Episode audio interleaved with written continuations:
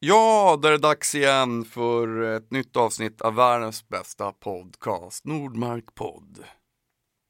Åh, så många gånger jag sagt det, men det stämmer ju, den är fruktansvärt bra. Tänk att jag kan göra något så bra. Shit, alltså man förvånas ju. Jag förvånar mig själv hela tiden över min storhet. Denna vecka så har jag Lisette Nordahl här på besök. Aka Lisette Lisette. Och förutom att hon har kommit på en ny genre som heter uh, Queer Body så har henne även uh, släppt en ny singel som heter Easy Street som jag kommer att spela på i slutet av programmet. Programmet, av avsnittet. Um, vi pratar om uh, massa saker som vanligt. Uh, vi pratar om normkritik, normkritik, vi pratar om skapande processer, vi pratar om att det är svårt att någon petar på det som redan är klart. Vi pratar om att hälla salt på sockerkakan, prenumerera på OK. Vi pratar om att man bör sparka ut regler, flytta till London, flytten till London. Eh, när det inte blir som man har tänkt sig. Vi pratar om Ricky Lake, vi pratar om att man kan göra vad som helst, vi pratar om hypnos. Och eh, vi pratar om stadiet mellan liv och tidigare liv, astrologi, andlighet, spöken, ufos, existentiell ångest. Vi pratar om att det är trevligare att tro än att inte tro. Vi pratar om att samla på spindlar, eh, vi pratar om att ha livlig fantasi, vi pratar om att vi pratar om det ursprungliga jaget och att vara en vandrande storyteller. Ni fattar ju vilket super eh, eh, spännande program, avsnitt det här är. Ja, och som sagt en ny singel av Lisette Lisette efter det här är klart. Som heter Easy Street. Jag ska göra en, jag har fått äran att ska göra en remix på den också men jag hann inte. För att jag, det blev, ibland blir det inte som man tänkt sig när när man tror att man har vaccinerat sig mot livet så kommer livet emellan ibland. Ja just det, och eh, följ med också på Instagram, Nordmark. Och fortsätt skicka in eh, musik till info.nordmarkrecords.com. Alltså ni får ju skicka in och skriva vad fan ni vill. Jag kommer ju svara ändå. Eh, och glömmer jag att svara så får ni väl mejla igen så kommer jag svara. Men jag har fått jättemycket musik och, och, och folk har liksom eh, sagt så fina ord om podden och sådär. Det är skitkul, jag blir jätte, jätteglad. Fortsätt skicka och fy fan vad jag pratar, nu kör vi.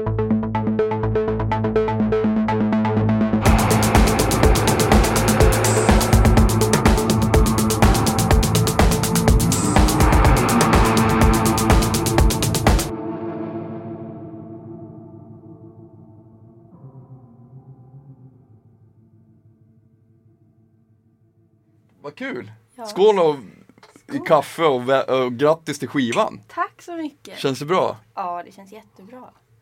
Verkligen. Den släpptes, den släpptes 18 va? Eller? När var det? Eh, ja, förra onsdagen. Ja.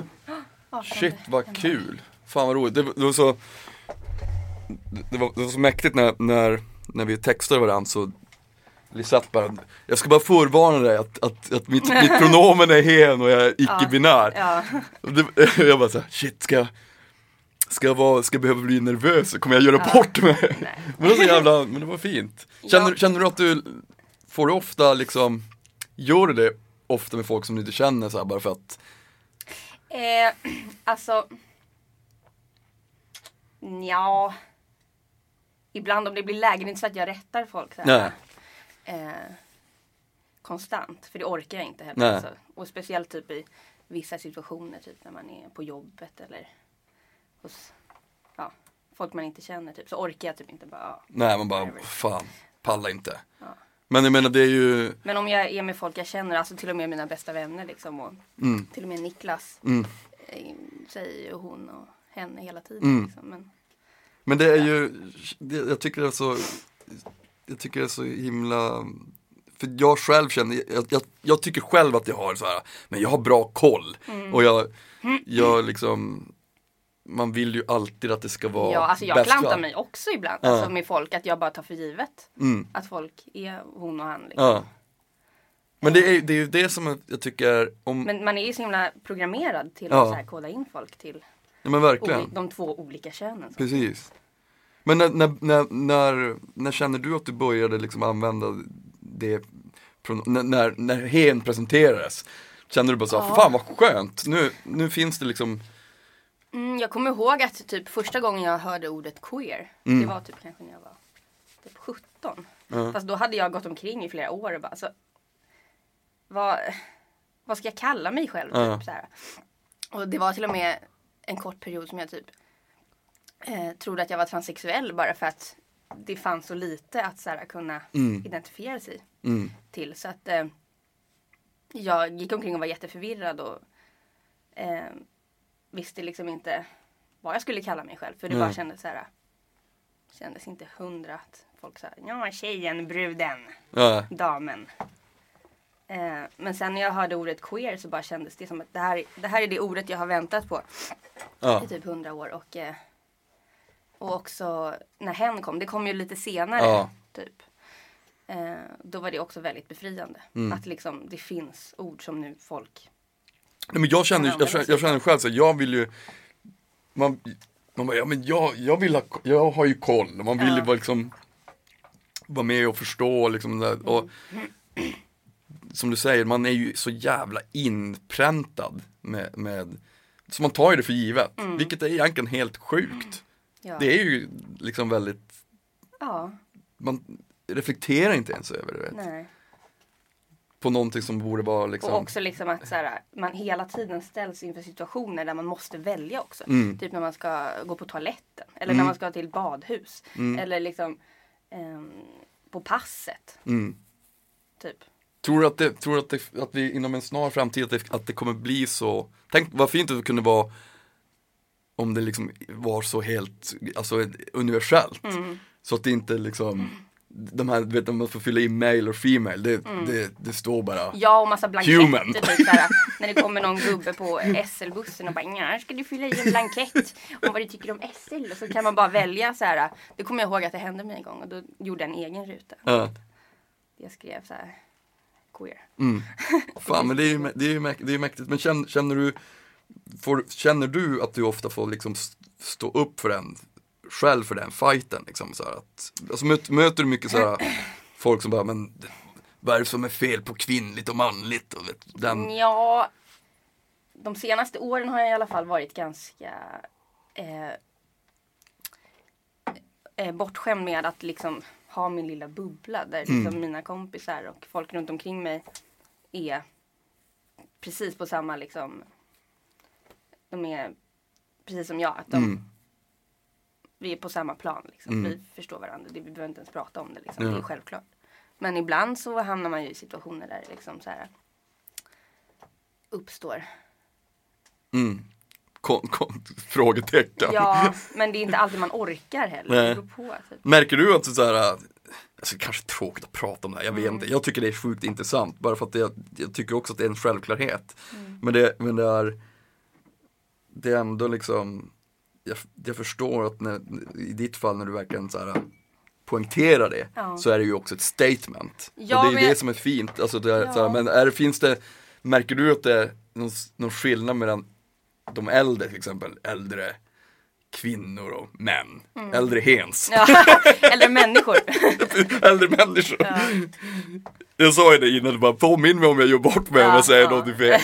Jag vill väl. Mm. ja, men, det, men märker du någon sån att det är någon skillnad liksom på, på, på människor i, så- i sådan, liksom vad, hur de, vad de har för åsikter angående he, hen-pronomet liksom? Ja, eller ofta så känns det som att det är väldigt svårt för dem ens att fatta. Mm. De, de kan typ inte greppa det. Det är för stort. Va, men varför De- är de det så typ- här? Det är Ja. typ som att vissa har typ inte kapacitet Nej. till att kunna förstå. Nej. Det bara går inte. Nej. Ehm, och jag vet inte, de kanske är lost causes. Men ja, jag vet inte. Jag tror, men tror ni inte att någon, så, om man vill förstå så förstår man ju. Mm. Det är alltså Det känns som att det, en, en, en del människor kanske inte vill förstå, de vill, säger att de vill förstå men de vill inte förstå för att de, Mm. de, de ser ingen poäng i det. Liksom. Man, varför, s- Nej, för att de själva inte nej, men precis. behöver, har nej. behövt Nej men precis. liksom, eh, tänka på det. Ja. De är helt okej med att vara Ja, man eller kvinna. Liksom. men precis. Varför ska någon annan behöva klaga på det? Ja, liksom? det har ju gått bra ja hittills. exakt. Det har ju gått jättebra för mig. Ja, precis. Shit vilken perfekt sockerkaka alltså. Alltså är du Mm, riktigt säker på? Jag tycker att den saknar lite någonting. Jag ska nog ner med lite salt. Men, eh, alltså jag, ty- Salt ska det vara. Det kommer bli, det. det kommer bli bra det. Du proddar och gör allting själv. Ja. Det låter ju fantastiskt bra. Tack. Vad är det du, vad är i, i skapandeprocessen, vad är det du tycker är, är eh, det roligaste när du, när du, när du skriver? Ja men det bruk, brukar alltid börja med att jag typ har en vision. Oftast en vision av typ när jag själv står på scen. Mm. Och vad jag vill liksom förmedla för känsla typ. Så här, det blir som ett så helhetskoncept i mitt huvud på en gång. Och sen så måste jag försöka eh, manifestera alla de små delarna som det, den visionen liksom innehåller. Och då börjar det väl oftast med musiken och sen så blir det väl videos Mm. och det visuella liksom. Och tillsammans till slut så blir det den visionen som jag hade föreställt mig. Förhoppningsvis. Eller så Mm. blir det något bättre eller så blir det något annorlunda. Som, Men har, känner du när du då, bara, nu ska jag göra den här skivan. Mm. Då, då börjar liksom processen, och så- vilken, för jag menar, för mig är det ofta så att man, man bara så, man, det är någon liten idé som kläcks och sen så byggs det på, byggs det på. Mm. Och sen så förändras det även på vägen för mig. Alltså du vet, det kan, Mm. det kan landa, man bara fan det blev inte alls egentligen det som jag hade tänkt, men det här blev fetare. Har du liksom en, en, en agenda för hela, eftersom att du också klipper och spelar in videos och, och ja, alltså det är klart det blir lite så här små förändringar typ. Men eh, eh, ofta så blir det ändå ganska likt Mm. min ursprungsidé. För jag är, jag, jag, jag är lite så här tenderar till att vara lite så autistisk när det kommer till sånt. Att så här, om jag får en idé då blir jag typ besatt av att förverkliga den. Mm. Och det är därför jag typ måste göra det själv också. Mm. Och det är därför jag under eh, tidens gång har typ lärt mig göra allting. Som att eh, prodda själv och Mm. eh, filma och klippa och allt runt omkring liksom. Har du egen studio eller sitter, gör du det mesta hemma? Eller? Är hemma på min kammare. Ja. ja men det är ju fantastiskt. Ja. Grymt. Och, och när, när, när, när, märkt, alltså, jag tycker också det är intressant det där med, jag har ju också haft massa, massa band men gillar också ju jobba själv. För jag, man har också ganska starkt kontrollbehov. Så Eller, Så det är lite svårt när, man tycker att någonting är jävligt bra, så är det någon som kommer och börjar peta i det. Ja. Det är ju svårt. Jag bara men nej, lärt, det är perfekt nu. Ja man bara, det här är ju suveränt. Varför ska du peta på någonting som Alltså den här sockerkakan är så jävla bra, varför ska du hälla salt på den? Ja. men precis. Det, det, Ja. det, det verkar vara helt onödigt i mina Men, men ibland så kan man ju också, samarbeten kan ju också eh, tan, tangera till att, till, att, till att göra verket bättre. Liksom Mm. ibland, "Mm, det kanske inte blev riktigt som jag hade tänkt men det blev fan grymt alltså. Det här också, det blev något annat.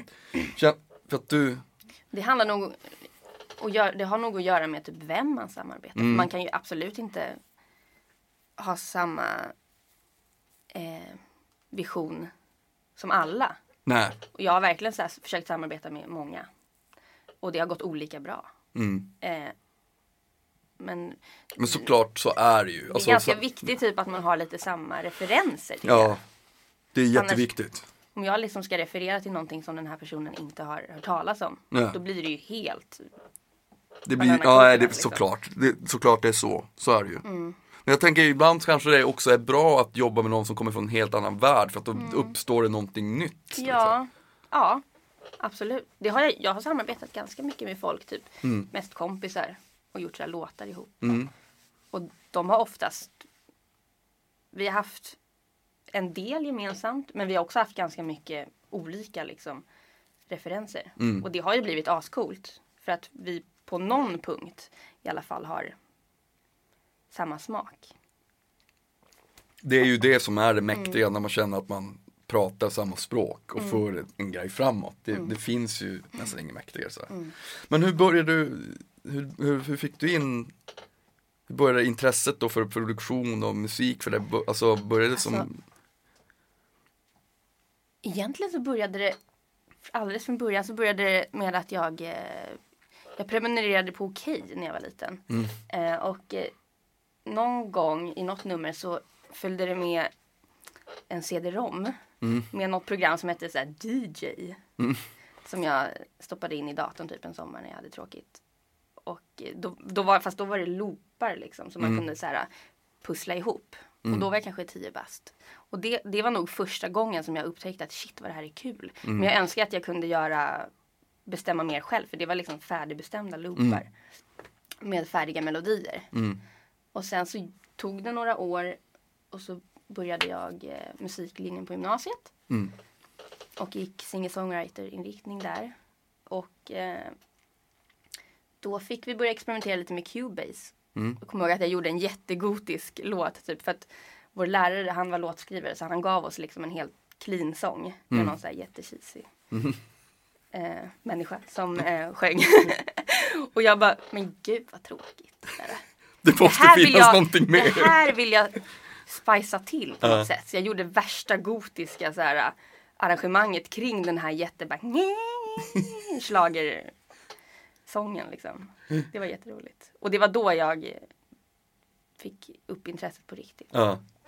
Shit vad coolt. Men, men vad, hade du något sitt huvudinstrument då eller var det liksom? Eh, jag kom in eh, som singer och songwriter med gitarr. Men jag älskade ju redan på den tiden synt. Så det var ju helt fel. För jag ville ju inte göra gitarrmusik. Det var ju liksom inte det jag lyssnade på. Eh, så ja, jag skrev väl typ låtar på gitarr men jag pallade aldrig lära mig att spela gitarr så himla bra för jag tyckte det var så tråkigt. Det är ju det, det är alltid sådär, om man tycker att någonting är trist, då Ja, lär man sig så Det var typ sjukt min lärare långsamt. som fick kompa mig liksom Ja. varje gång. Men när du, när du skriver nu, alltså hur ser, hur ser själva processen ut? Tänker du ut någonting så här, men det här, den här låten ish ska jag göra? Eller sätter du dig vid synten och, eller gör du beatsen Ja. först och sen, Oftast så går jag alltid, jag pendlar ju mellan Reason och Logic. Så jag börjar i Reason för att jag älskar deras ljud. jag använder också Reason Ja, för. de är asgrymma. Eh, och så börjar jag alltid med ett arpeggio. Mm. Eh, som blir, blir en bas liksom. Och så gör jag en grund och sen så bygger jag på det. Och sen kanske inte den arpeggion är kvar i slutändan ändå. Men det är ändå ett nice eh, sätt att börja på. För det ger så himla mycket. Det ger en hel känsla liksom. Mm. Och det finns rytmen i det och, det liksom, Mm. och, och, och driv och sådär också. Men det är kul, det är, jag tycker det är, så, det är så intressant att höra för att alla, alla har ju så olika vä- tillvägagångssätt. M- Mitt, mitt är helt schizofrent, det, det är helt olika varje gång. Ibland börjar jag bara på, på tempusen, eller vid pianot eller vid, eller att man bara kommer på ett, ett trumbit liksom. Och sen bygger man efter det. Men det är det som är kul att, med musik tycker jag, för att det finns Musik är ju någon slags det finns så mycket regler och de ska man ju bara sparka ut Ja. liksom.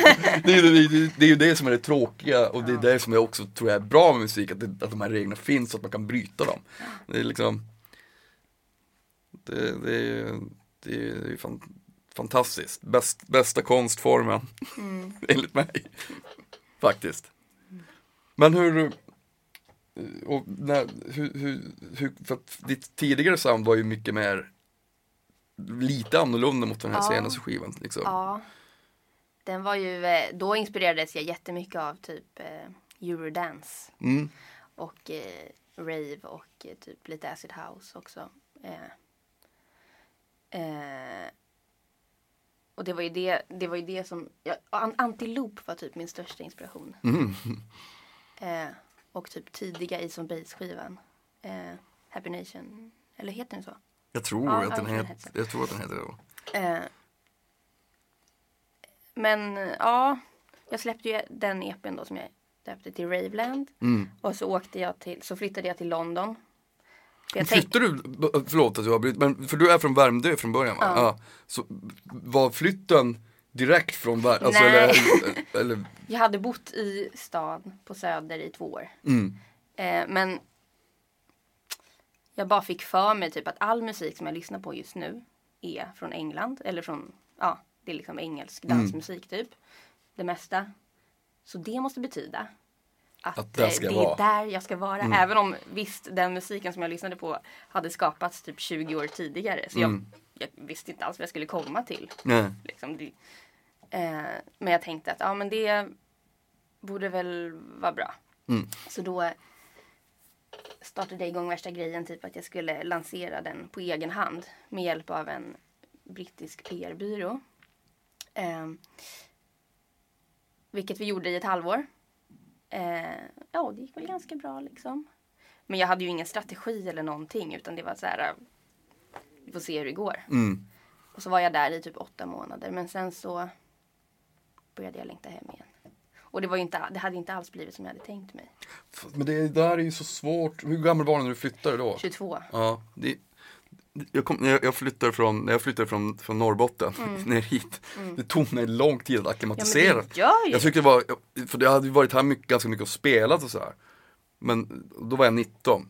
Så Jag, jag kommer ihåg, jag bara så här, shit vad jag hemlängtar. Jag, alltså jag längtar upp till, till Norrbotten. Det här känns så weird det här. Alltså det, jag kommer ihåg, jag åkte in till, till Stockholm och då var det så här till stan, för jag bodde i Märsta och åkte in till pendeltåg och sen jag lärde mig hur stan såg ut via tunnelbanenätet. Jag visste som aldrig egentligen vart, vart jag var, förutom de här alltså, tunnelbaneuppgångarna. Man gick upp där, sen gick man ner och sen så var man tillbaka i Märsta typ. Och kände sig jävligt lost. Men det var typ så jag också gjorde i London. London är så, det är så sinnessjukt stort också. Ja. har, har du varit tillbaka dit någonting? ja. Eh, jag fick några få vänner där i alla fall. Eh, varav några var bekanta från Stockholm sedan tidigare. Mm. Men när jag flyttade dit så hade jag inte direkt någon nära kompis. Bara några få bekanta. Eh, så en eh, kompis har jag där. Som blev min bästa kompis. Mm. Som jag brukar hälsa på lite då och då. Det är ju, det är ju jävligt fint. Ja, Då har man ju liksom, fattar du? Då, då, den flytten för, för, för dig då, att du flyttade till London kan ju ha haft en superstor impact på resten av ditt liv. Det är en ganska mäktig grej. ja. Alltså jag har ju fortfarande en kärlek till London. Mm. Men det passar bättre för mig att hälsa på än att bo där. Mm. För alltså alla jobbar liksom 24-7 och tjänar typ 5 pund i timmen och bor i mögliga rum. Mm. Eh, och det är skitsvårt liksom att eh, klara sig där. Mm. Jag hade nog inte pallat det. Det är så jävla stort också. Jag, vi, Folk har inte tid att ses heller. nej. För jag tänkte så här, ja men det är bara att gå på någon klubb, jag kommer bli kompis med alla, det kommer vara så lätt och gud vad nice. Men så var ingen hade ju tid att ses. Nej. Även om man träffade jättehärliga människor som man verkligen klickade med så eh, hade de aldrig tid att ses sen. nej. Men tror du att det, tror, det är, tror inte att det är väldigt bra att man, har, att man är så här, lite naiv när man gör sådana Ja. saker? Man bara, Ja. fan nu, det här kommer bli så jävla fett. Det enda, det enda tråkiga är att man, man bygg, det är så lätt att bli besviken. Mm. Så man bara, nej det blev inte alls som jag hade tänkt. Det här. Ja, men jag, var, jag blev så jävla ensam där Mm. och blev typ lite deprimerad efter ett tag. Mm. Min räddning var ju eh, min kompis Katta då. då. Eh, vi levde ganska lika liv. Hon producerar också. Mm. Eh, och jobbade inte så mycket. Eh, så hon hade tid att se. Så vi hängde hela tiden och satt på kaféer och proddade på varsitt håll liksom. Och, eh, men jag blev typ deprimerad och typ kunde inte sova om nätterna. Så då började jag kolla på eh, eh, Ricky Lake och Jenny Jones och massa sådana gamla talkshows som jag älskar. Och det var då jag kom på den där freak-videon. Coolt. Ja, så tack vare det ändå så kom jag på den jäkla videon för jag satt och kollade på för alla de talkshowen, talkshowsen hade ju tema Club Kids någon gång liksom. Mm. Och bara åh det är katastrof och bjöd in föräldrar som typ skulle så här göra en makeover på dem. Och då bara fick jag den idén att shit, tänk att göra en musikvideo. Med typ alla mina vänner. Att vi är de här Club Kidsen. Vilket vi är, typ ändå är och vi har typ föräldrar som är exakt sådär. Eh, fan vad fett. Men sen också så insåg jag att det kommer inte gå. Hur fan ska det gå till? Vart, vart ska jag få pengar till att hyra en jävla tv-studio? Vem ska vara programledare? Alltså, nej, nej, det kommer inte gå. Men tror du inte att det satte, alltså det sattes ju ändå något, det sattes ju ett, ett såddes ut frö där sen. Ja. Så du bara sa, men vad fan, det, Och det, där, kom, där kommer den här grejen upp igen att jag blir besatt liksom av att förverkliga mm, mina sjuka idéer. Hur jävla omöjligt det verkar. Alltså, tack vare ta- det var nog ganska mycket tack vare att jag blev helt besatt. Och bara, Mm. Det här måste gå att lösa på ett eller annat sätt. Mm. Eh, men jag hade inte riktigt så motivationen till att göra det på ett tag. Eh, så, men sen så drömde jag en natt, kanske någon månad senare, så drömde jag att jag var i något så warehouse och hade hittat värsta lokalen och att det var någon människa där som skulle hjälpa mig. Och att det liksom var igång. Mm. Och när jag vaknade den morgonen så då kände jag mig jävligt motiverad och bara nu måste jag ta tag i det här. Så då hörde jag av mig till en regissör och han ehm, satte ihop ett litet team som kunde lite av varje typ scenografi och klippa och ljud och klippa film och filma och eh, och han hittade eller det var också tack vare honom som eh, Johan Wahlström eh, var med också. Mm. För det var typ hans plastfarsa. Eh, så på den vägen. Och sen så flyttade jag hem mm, någon månad innan vi började filma. Och så började vi bara planera. Och jag hittade en jättebra teaterlokal som vi bara gjorde om till så här tv-studio. Mm. Så till slut så gick det liksom. Det är ju mäktigt, det är ju Ja. coolt. Alltså man, man kan ju fan göra precis Ja. vad, vad, vad man vill. Liksom. Det är ju och, jag- alltså jag tycker det är så fint om man tänker så här. Jag ska fan ta mig till Mars. Mm. Men, och jag kanske hamnar i en jävla grantopp, men då har åtminstone försökt. Liksom. Ja. Det, det, finns, det finns också någonting skönt för en själv att, att kunna tänka så här. "Ah, Shit, jag tog mig kanske inte riktigt fram. Men jag gjorde mitt yttersta, alltså jag gjorde 100%. Eh, sen kanske var något den där farkosten på vägen som kraschade i trädet som gjorde att jag hamnade i den jävla grantoppen istället. Jag kunde inte, det var yttre omständigheter som gjorde att man inte kanske lyckades. Men det finns någonting som, är, som, är, som jag personligen tycker är så viktigt och så jävla befriande när man faktiskt känner så. Att jag har gjort allt. Och, och det gick. Ja. liksom. det, det är ju fantastiskt. Ja och sen också så stolt man blir när den blivit klar den Ja. jävla videon. Men det, på tal om video så, så har du alltid haft också ett intresse för, för film och klippning eftersom du, för du klipper dina egna videos också? Eller är det Ja, bara några det, videos, inte alla. Några videos har jag klippt själv. Mm. Eh, ja, men det började också i gymnasiet. När jag tog någon så här extra kurs Mm. i rörlig bild. Och eh, ja, För det, fin, det, det tycker jag är, det är ju häftigt med, med bild och musik när det stämmer. Finns ju inget bättre. Mm. nej. Det jag älskar det. När, Ja. när, det när det bara, men det här, det här är ju, det här svänger fan. Det här, är, det här stämmer verkligen. Det är så jävla coolt. Men också att man själv känner att det här är 100% jag. Mm. Precis. För det finns ju inget värre än när någon annan människa ska så här, tolka en och det blir helt fel. Ja. Nej, nej, då är det, det är fruktansvärt. Och så måste man stå där och bara, okej du var ansträngd Alltså jag tänkte lite så här, du tänkte så här, Men nu har vilket du är redan, fel. Ja, nu har du redan ansträngt dig jättemycket och så ska jag stå här och du för och så ska jag, jaha okej. Det blir ju jättejobbigt. Ja, det, det, är- det, är- det är fruktansvärt. Man- man, ja, Så för att undvika sådana situationer så, så gör allt ja, så har jag, ja, så jag löst det på det sättet. Ja, eller samarbeta med kompisar som verkligen, verkligen känner mig. Har du, har du förutom det, har du ett, har du ett filmintresse också? Eller liksom är det rörlig, jag menar rörlig bild och allt det är ju är också en, Alltså intresset ligger väl i att skapa. mm, Jag är inte så himla intresserad av film. Jag har ganska dålig filmsmak egentligen. Alltså typ, ja folk står inte ut typ. Min favoritfilm är typ Livet är en schlager. vilken? Livet är en schlager. Fan, den har jag inte sett, den ska jag se. ja. Men vad heter det, um, det var någonting mer jag tänkte Eller. G som gemenskap. Eller vad? G som gemenskap. Ja, precis. Ja. Nej men jag, eh, jag tänkte med skivan när du, eftersom att du, du, du är ju Niklas von Kite, din, din, din partner. Mm. Har, eh, finns, har ni en bra liksom, det där är så svårt kan jag tycka ibland. Jag, när jag spelar upp så här låtar för mitt ex så var det så här, jag bara, jag har gjort den fetaste, den är så jävla grym. Jag bara, ja den var väl okej. Då blir man ju så här, Osams men, en men vad fan! det här är det bästa jag gjort, fattar du inte det? Ja. Och ibland kunde det vara så här, ja men den här, oh den där är ju skitbra, grym. Mm. Um, göden i varandra liksom med, med, med, med konstruktiv kritik, liksom, eftersom att han också håller på med musik och Ja, alltså vi har väldigt lika referenser. Vi Mm. gillar väldigt mycket samma musik och samma grejer. mm, Eh, så det är ju bra start. Men sen så är vi också väldigt peppiga mot varandra.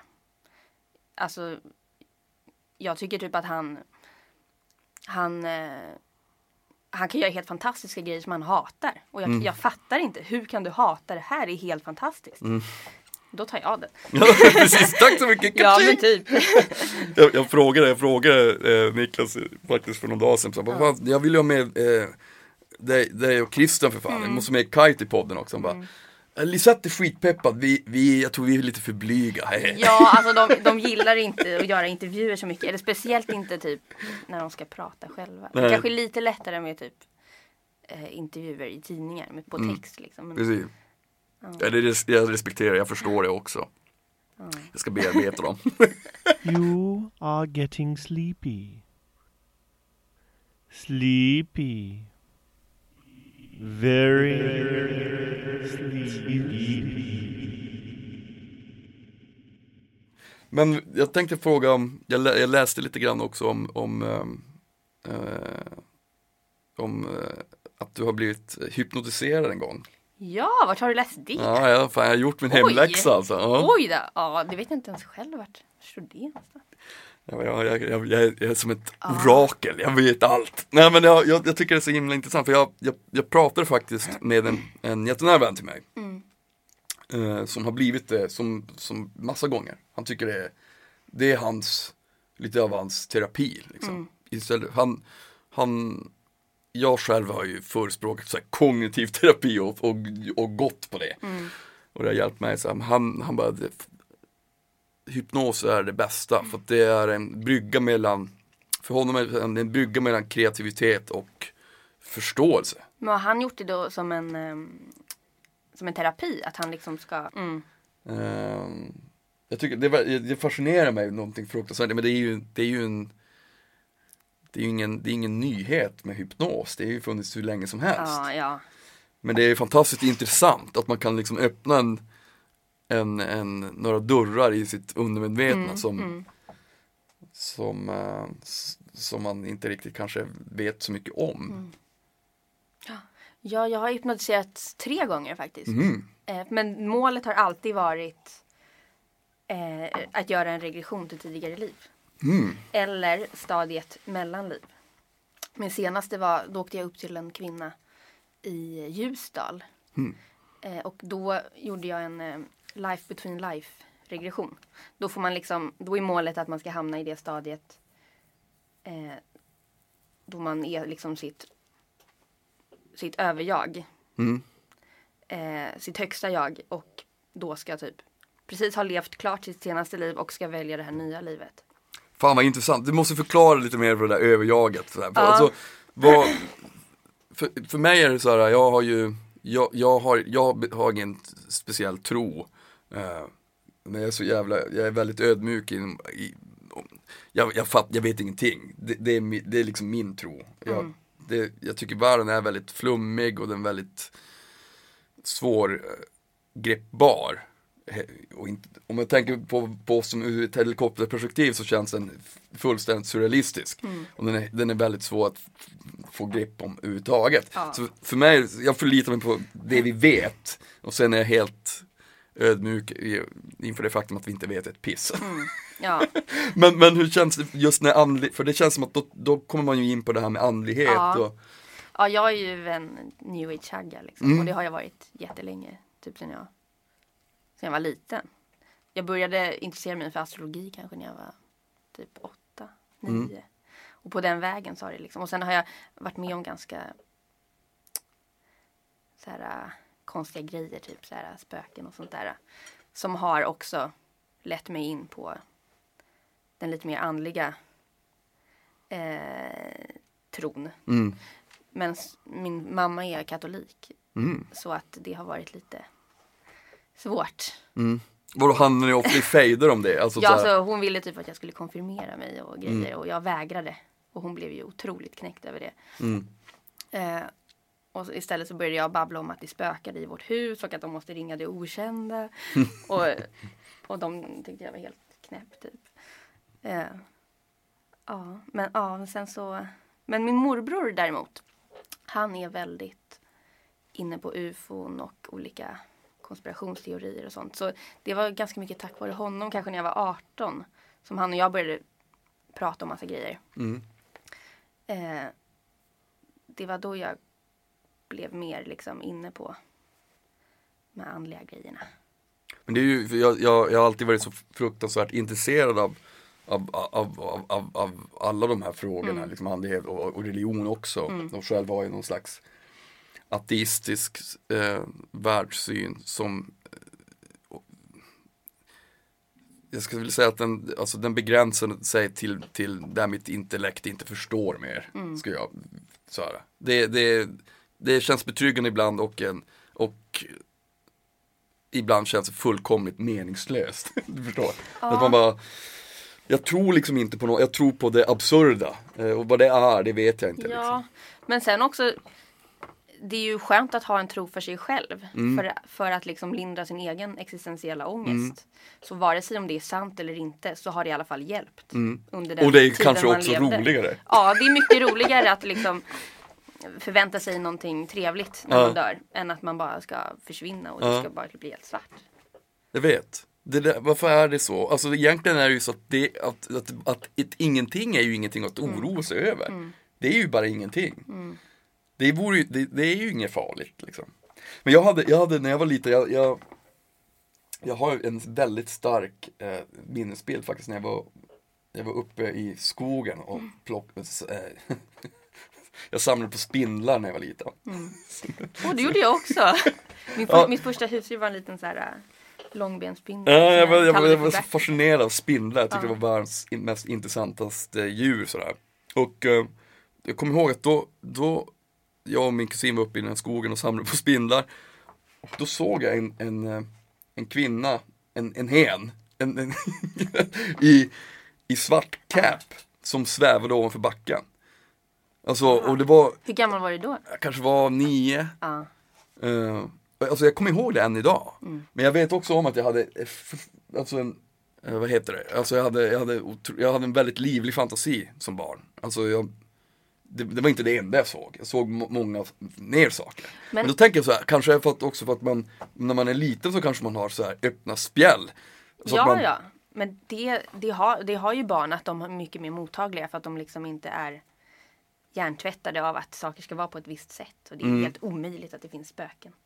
Så jag, jag tror nog att det snarare är att du var öppen och mottaglig då än att du hade livlig fantasi. För det är väl ett sätt som liksom vuxna bortförklarar Mm. barns Kan det inte vara också då så att man har livlig fantasi och projicerar så att man, alltså att, ja men visst jag ser ju det här, men Mm. det behöver ju kanske inte ändå betyda att det finns där.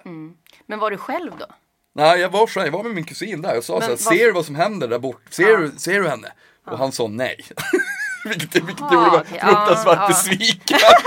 Det kanske hade varit lättare ifall eh, din kusin hade kunnat Ja. Styrka Ja, den han såg mest ut som ett frågetecken, Ja. vill jag minnas. Ehm, men, men, eh, ja, skitsamma. Men, men tillbaka till den här hypnosen, för det tycker jag är så jävla Ja. spännande. Och det här högre jaget då, Mm. som du snackar om. Han, har det liksom, det är då i, sådana fall, om man ingången till näst, nästa liv, eller Alltså ditt ursprungsjag Mm. är eh, är liksom den här lilla energiklumpen. Mm. Ser jag det som i alla fall. Och det är liksom ditt ursprungsjag. Mm. Du är liksom inte fysisk. Eh, men sen så kanske du måste ta fysisk form i form av en människokropp. Mm. Och komma ner på den här planeten som är lite av en spelplan. Mm. Där eh, vi kanske behöver det här fysiska för att kunna, ja men som ett verktyg liksom. Mm. Och eh, då åker den här lilla energiklumpen ner i den här kroppen. Och använder den här kroppen i ja, några år Mm. som ett verktyg. Men ditt ursprungliga jag är alltid den här energi, Mm. Ja den här ofysiska Mm. lilla energigrejen. Men precis. jag fattar. Som Men, kan manifestera sig lite hur som helst. Liksom. Mm. men är det, alltså när man, för jag menar det är ju också vanligt att, att, att, att människor under hypnos eh, har upplevt tidigare liv och, liksom, Mm. och sådär. Men har det varit, du har gjort det tre gånger, har, det varit, har du hamnat på olika platser varje gång? Eh, ja, ja, för det mesta. mm. Eh, när jag gjorde den här senast i somras så bara för att liksom så här äh, träna lite och mjuka upp den här äh, hypnosgrejen så fick jag köra lite tidigare i liv. Mm. Och då blev jag en äldre man som var typ nomad och vandrade ensam med i, i Nordafrika. Och jag var som någon slags så här äh, vandrande storyteller typ som så här kom till olika byar och bara så här äh, berättade massa historier för Mm. folket. Och det kändes verkligen som att så här, men det där är jag. Mm. När jag var i hypnos så bara såg jag den här personen. Och även om det, den personen är otroligt olik så som jag ser ut idag Mm. och allt sånt så kändes det ändå som att det där är jag. Mm. Jag känner, det där, alltså hela alltet är bara så jag. Mm. Och att jag också kan känna igen mig i det som han gjorde i sitt liv.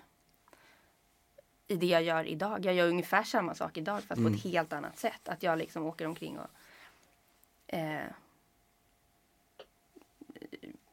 försöker förmedla känslor Mm. och historier fast via musik istället Mm. för de här historierna. Tror du att om, om, man, om man har ett sånt, ett sånt överjag då, som är liksom eh, Som är kärnan sådär Att det, är, det utgör ens, alltså ens, alltid ens persona Så att även om du är i, är då i olika tider och platser Så är du ändå samma person fast du kan, vara, du kan ha olika liksom, färdigheter Alltså, Ja, kanske i grunden så. Och man framförallt så tar man ju med sig erfarenheter liksom, Mm. från tidigare liv. Eh, det sägs ju liksom att, eh, jag har kollat på jättemycket YouTube-klipp om det här och jag älskar att så här, götta ner mig i allt sånt där. Eh, framförallt, alltså det, det har funnits exempel på typ barn som är helt extremt sjukt duktiga på något instrument eller på matte eller vad som helst som är så här, det är omöjligt. Hur Mm. kan den här treåringen vara typ smartare än Einstein? Mm. Men då kanske det har med att den själen då har fått med sig kunskap från ett tidigare liv då det kanske var den kanske var Einstein liksom. mm. Och lite kunskap har följt med. tänk, om du, tänk om du hade gjort den här och så bara Fan vad sjukt, det är, jag, jag är Einstein Det tror jag inte för jag har failat matte B typ åtta gånger. Fan, men jag har alltid tänkt att jag ska, jag, för jag, jag tycker det är så jävla fascinerande med hypnos. Nå, jag, ska, jag ska göra det. Jag ska, för att jag vill testa, känna hur jag är. Men äh, hur, hur, går man, hur går det till, tillväg? Jag menar, sitter man bara och så får man kolla på en pendel och så säger någon så här, nu, Nja. nu, får du, nu, är, det- nu slutar ögonen, nu, nu hamnar du i hypnos liksom. Nej, det har jag nog aldrig behövt göra utan oftast har jag typ legat ner på en soffa eller någon skön stol. Och eh, så har då den här eh, hypnotisören försökt guida mig med en väldigt lugn röst. Mm. Eh, och eh, då guidar den in i ett meditativt läge Mm. med hjälp av sin eh, sin röst och också genom att ge bildliga liksom eh, eh, bilder. Och det brukar ta ett tag. Men det sjuka är att man har verkligen ingen tidsuppfattning. Nej. Så även om jag kanske tror att ah, men det där tog kanske tre minuter så kanske det var en halvtimme eller en Mm. timme. Fan vad coolt. Det är så sjukt. Ja. För senast så var jag, var jag i hypnos i sex timmar och det kändes verkligen som max två. Mm. Det, är ju, det finns någonting som är, jag menar hjärnan är ju det mäktigaste. Ja. eh, som finns. Det, alltså det är ju det mest fascinerande som finns i hela universum. Det är ju, det är ju ett universum i sig liksom. Som är så outforskat. Ehm, jag, jag, jag har några nära bekanta som åkte till, till Peru och tog ayahuasca. Och testade det. Och det, det är också en väldigt sån transcendental upplevelse. Alltså som verkar vara helt beyond mäktigt och ganska jobbigt. Ja. Alltså, Alltså både fysiskt och psykiskt påfrestande men också med en stor, stor, stor eh, belöning. Liksom. Man kommer därifrån och, tycker, och känner att man vet lite mer än, Mm. än vad man gjorde innan. innan typ.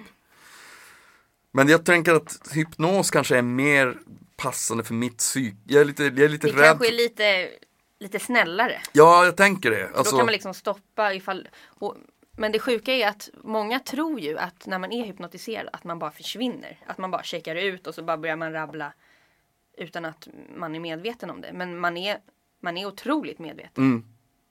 Det var det min kompis sa också. Ja. Han, han, hade, han stod och hade ett uppträdande på en scen, tyckte han. Och spelade gitarr på en mås. Mm. Va?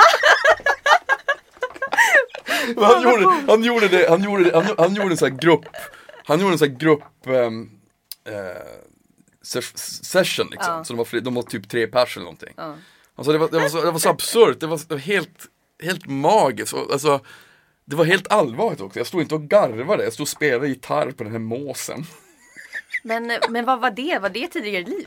Nej, det, nej, det var inte det. Utan det var han, det var så här för, jag ska följa med honom någon gång. Jag måste, jag måste, jag måste rota i det där. Men vad händer, vad händer om vi nu lämnar måsen och Ja. tillbaka, tillbaka till, du, du har gjort det tre gånger och känner du så här, men nu, nu, nu är det dags att bli hypnotiserad igen? Har du gjort det under speciella Ehm. tider när du känner att nu, jag vill veta Ja. saker och så här? Ja, alltså i somras så var jag otroligt vilsen. För att eh, då hade jag gjort klart den här skivan och eh, allt hade bara gått i kras. Mm. Jag hade tänkt släppa med ett skivbolag som bara mm, ångrade sig i sista sekund och massa saker som jag hade hoppats på. Det bara gick i kras, alltihop. Och plötsligt så stod jag där helt själv igen och bara kände mig så himla ratad och misslyckad.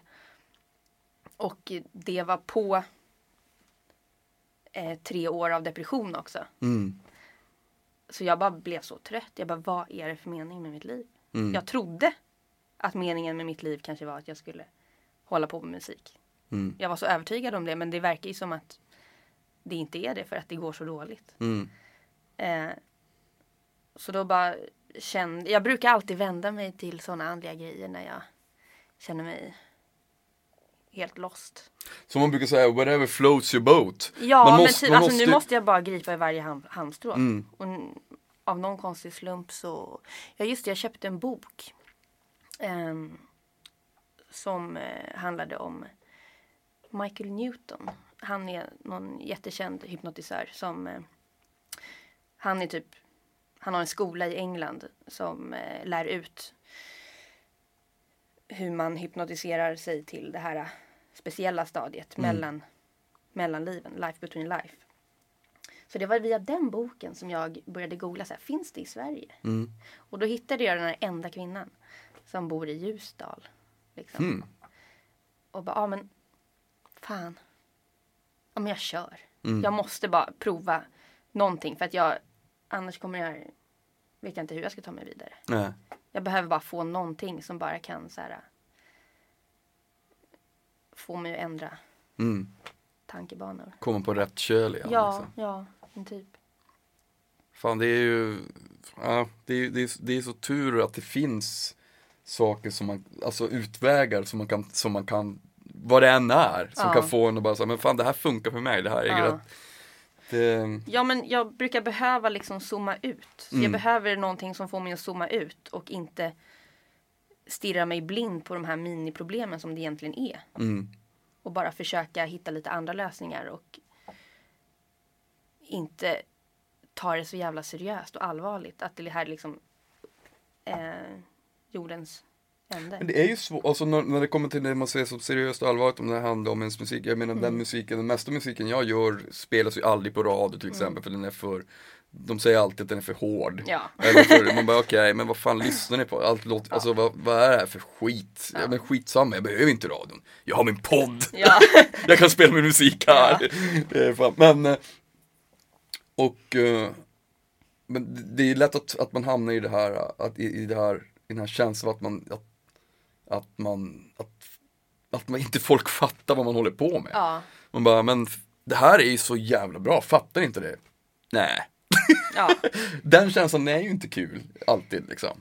Nej, speciellt inte när man har liksom fått, eh, fått den reaktionen konstant Nej. under många år. Nej. Till slut så blir man ju less man Ja. blir ju trött. Alltså Ja, man, man behöver ju ändå någon slags eh, bekräftelse på Mm. att det man gör ändå uppskattas någonstans Mm. för att orka fortsätta. Mm. Det är ju så liksom.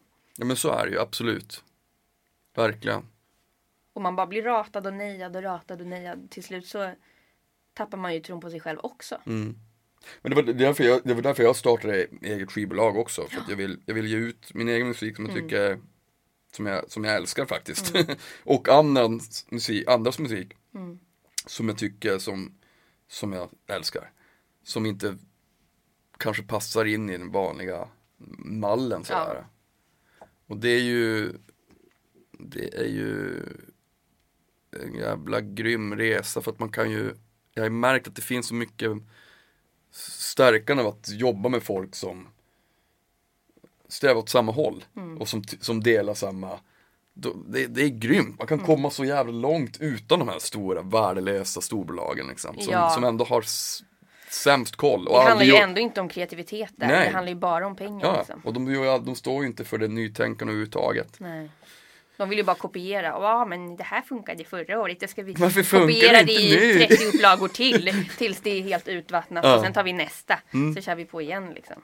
På tal om nytt då, för du har ju liksom, du har ju myntat en ny, en ny genre. Ja. Ja.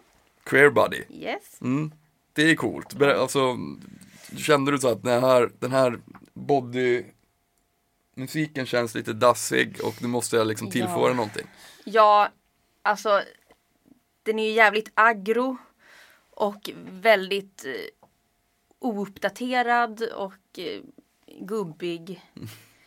Eh, och om jag ska liksom så här göra body. Om jag ska kalla min musik för body så kommer min musik automatiskt definieras med typ gubbar. Och, eh, och dessutom så tycker inte jag själv att min musik typ låter 100% body. Nej, det, det tycker jag verkligen Den är ju inte. verkligen en hybrid av massa Ja. olika grejer. Eh, så därför kändes det som att eh, jag måste hitta på en egen genre. För det här passar inte in i någon annans genre. Liksom. Nej. Det är ju fett ju. Ja. Då, och, tänk om det är så här att om några år så kommer du se fler som bara Ja. Alltså och- också för att du hade skivan till det. Ja, ja. Det är ju fantastiskt. Men vad heter, vad, vad, och vad, vad, hur ser närmsta framtiden ut för, för Lisette Lisette? Ja, jag eh, ska väl försöka gigga lite. Mm. Eh, jag har några gig inplanerade. Men jag skulle gärna vilja ha lite fler. Eh, jag, har ju, jag har ju varken skivbolag eller bokningsbolag eller någonting. Liksom. Så jag får ju sköta allting själv. Ehm, men sen så vill jag väl komma igång med ny musik. Mm. För det här som jag har släppt nu, det har jag, jag hållit på med liksom i tre år. Så jag är lite trött på det. Jag, Mm. vill, jag har samlat på mig massa ny inspiration som jag bara vill. Det är ju fantastiskt. Man, när, man, när, man, när man har kommit över den här oceanen av tomhet Ja. Mm. som man kan känna när man har gjort en ny skiva och, och, och få tillbaka den här nya energin och Mm. vill göra mer, då ska man ju bara köra på alltså. Ja, och nu också när den här skivan har blivit så positivt mottagen så är jag Mm. ju jättetaggad på att bara göra mer och släppa mer fort. Ja. Det är fantastiskt. Ja. Vet du vad, nu är vi klara. Åh nej! Nu ska du få en kram! Ja! Vad vad kul! Och i sin första podd. Så jävla fett, eller hur? Och tack för tröjan, nu ska jag ta på mig den. Ja! Och det gjorde jag också.